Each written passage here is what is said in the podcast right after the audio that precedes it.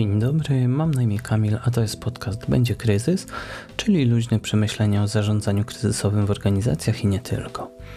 W dzisiejszym odcinku zapowiedziana już wcześniej opowieść o kryzysie, który dotknął firmę Coca-Cola w 1999 roku w Belgii. Na wstępie e, warto wspomnieć, że Coca-Cola miała pecha, ponieważ jej kryzys pojawił się wkrótce po kryzysach związanych e, z tak zwaną aferą dioksynową w Belgii to temat, który sam w sobie jest wart odcinka, więc może w przyszłości opowiem coś więcej o szczegółach całej afery. E, na teraz powiem w skrócie, że w karmie podawanej zwierzętom hodowlanym wykryno, wykryto skażenie PCB, czyli polichlorowanymi bifenylami. E, efekt był taki, że w jajach i mięsie kurzym wykryto związki dioksynopodobne, które mogą przy odpowiednio długim okresie ekspozycji powodować różne schorzenia, np. układu krążenia, czy wywoływać raka.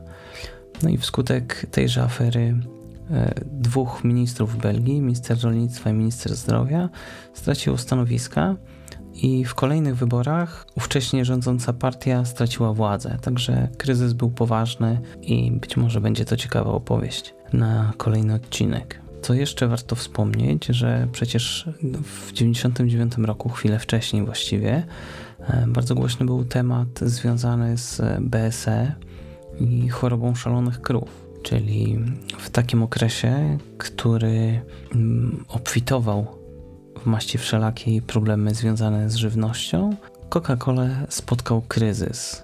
8 czerwca uczniowie jednej z belgijskich szkół zauważyli, że Coca-Cola, którą kupili, ma dziwny smak i zapach. Jak się później okazało, uczniowie z sześciu szkół narzekali na różne objawy, bóle głowy, nudności, wymioty, niektórzy nawet drgawki mm, i wiązali to ze spożyciem produktów Coca-Coli. Wskutek tych, tego zatrucia mm, ponad 50 osób było hospitalizowanych, w większości były to dzieci.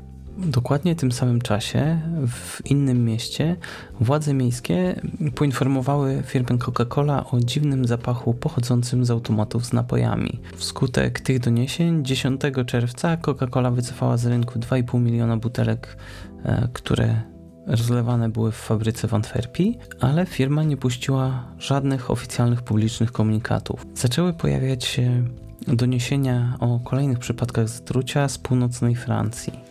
14 czerwca e, minister zdrowia Belgii wydaje decyzję o zakazie sprzedaży produktów e, Coca-Coli z trzech fabryk e, w Antwerpii, w Dunkierce i w Gent.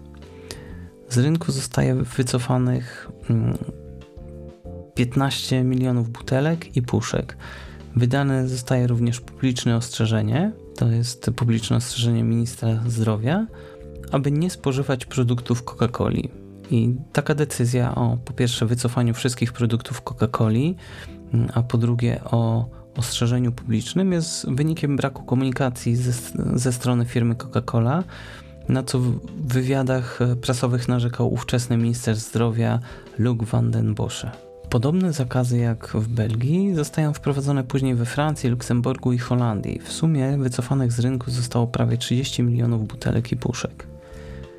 Pierwszy komunikat Coca-Cola wypuszcza dopiero 16 czerwca, czyli tydzień po pierwszych zgłoszonych incydentach i dopiero dwa dni po wprowadzeniu zakazu sprzedaży na terenie Belgii.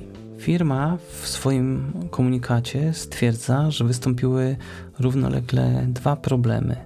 Po pierwsze, niskiej jakości dwutlenek węgla, który użyty był w rozlewni w Antwerpii, oraz skażenie puszek pochodzących z fabryki w Dunkierce środkiem grzybobójczym, którym pryskane są e, puszki po to, żeby no, nie rosły na nich grzyby. I teraz e, rzeczy powolutku zaczynają robić się coraz bardziej ciekawe, bo firma AGA to była szwedzka firma, która dostarczała dwutlenek węgla do fabryki Coca-Coli w Antwerpii i nie tylko. Twierdziła, że próbki gazu, które zostały przeanalizowane, zweryfikowane dla partii, e, które dostarczane były do fabryki w Antwerpii, nie odbiegały w żaden sposób od normy. W Wielkiej Brytanii Coca-Cola ustami swojej rzeczniczki E, przyznała, że skażone puszki z e, fabryki w Dunkierce mogą być w sprzedaży, ale rzeczniczka stwierdziła właśnie, że liczba takich puszek jest niewielka i w związku z tym firma nie planuje wypuszczać żadnych publicznych ostrzeżeń, ponieważ informacje, które zostały przekazane przez media są wystarczające. 22 czerwca, wskutek działań podjętych przez firmę Coca-Cola i kooperacji z ministrem zdrowia, zniesiony zostaje belgijski zakaz sprzedaży.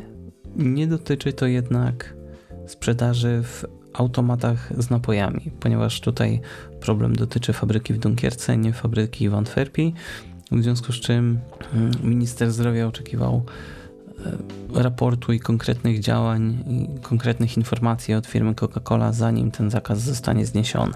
Generalnie po 22 czerwca Coca-Cola podjęła bardzo intensywne działania promocyjne, mm, których celem było odbudowanie sprzedaży, i te działania doprowadziły do tego, że już na początku czerwca poziom sprzedaży wrócił do poziomu sprzed kryzysu, czyli zajęło to relatywnie krótko, żeby odbudować zaufanie na rynku i żeby odbudować sprzedaż do poziomu e, sprzed kryzysu. No i tak przechodząc powolutku w kierunku podsumowania, e, straty finansowe poniesione przez markę Coca-Cola e, w związku z tym kryzysem na terenie całej Europy wyniosły w sumie ponad 200 milionów dolarów. I warto pamiętać, że wówczas Coca-Cola była najdroższą marką na świecie, co pokazywało skuteczność i siłę marketingu tej firmy i siłę rozpoznawalności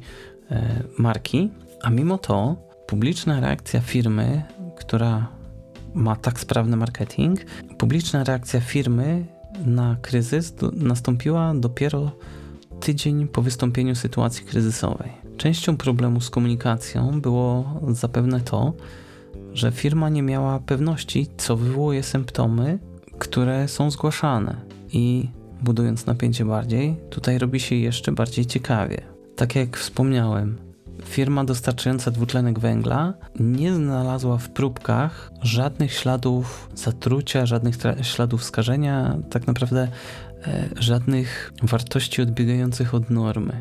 Dodatkowo Badania wykonywane przez ekspertów z zakresu toksykologii wykazały, że de facto żadna z próbek napoju z toksykologicznego punktu widzenia również nie odbiega od normy. Około 4 miesiące od dnia zniesienia zakazu czterech belgijskich studentów trafia do szpitala, ponownie narzekając na dolegliwości po spożyciu Coca-Coli. Firma tym razem natychmiast wykonała testy, natychmiast rozpoczęła współpracę z Ministerstwem Zdrowia belgijskim i wykonała testy i te testy pokazały, że z napojami w fabrykach, znaczy z, z, z wyprodukowanymi napojami wszystko było w porządku. I de facto z toksykologicznego punktu widzenia znowu okazało się, że nie ma powodu, aby takie symptomy występowały.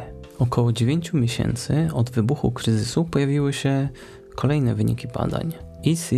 Pelk, szef oddziału psychiatryczno-psychologicznego szpitala Brugman w Belgii, stwierdził, że objawy u większości dzieci wynikały z psychosomatycznej reakcji na nieprzyjemny zapach. Badania, których wyniki zostały opublikowane, przeprowadzone były na 110 e, uczniach, którzy zgłaszali objawy i kolejnych 40, którzy nie zachorowali.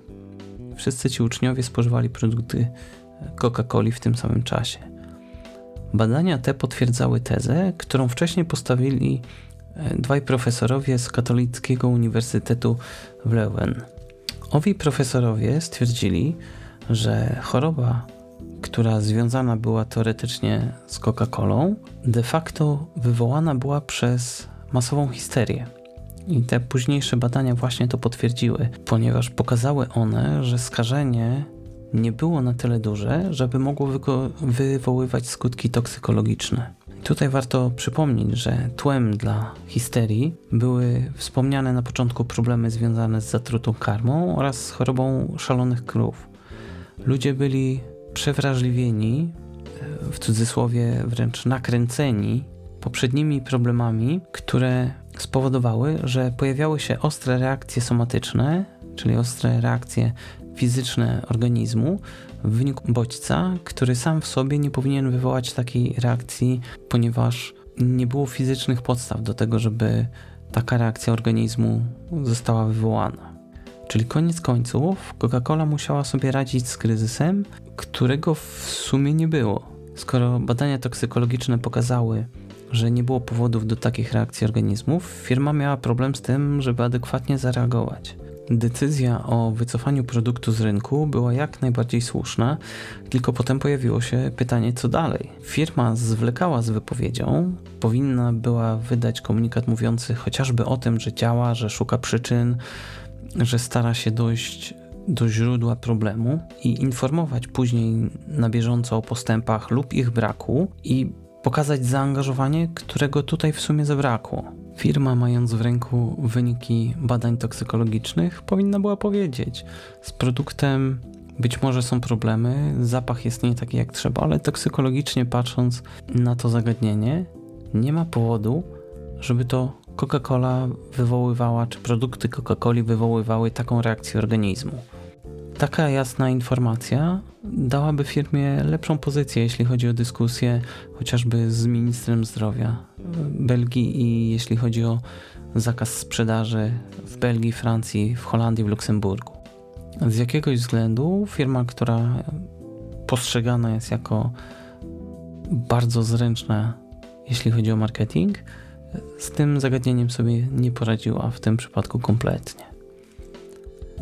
I tutaj myślę, że postawię kropkę. Dziękuję za wysłuchanie tego odcinka i zapraszam na kolejne odcinki, które już wkrótce. Być może jeszcze wrócę do tematu związanego z napojami gazowanymi.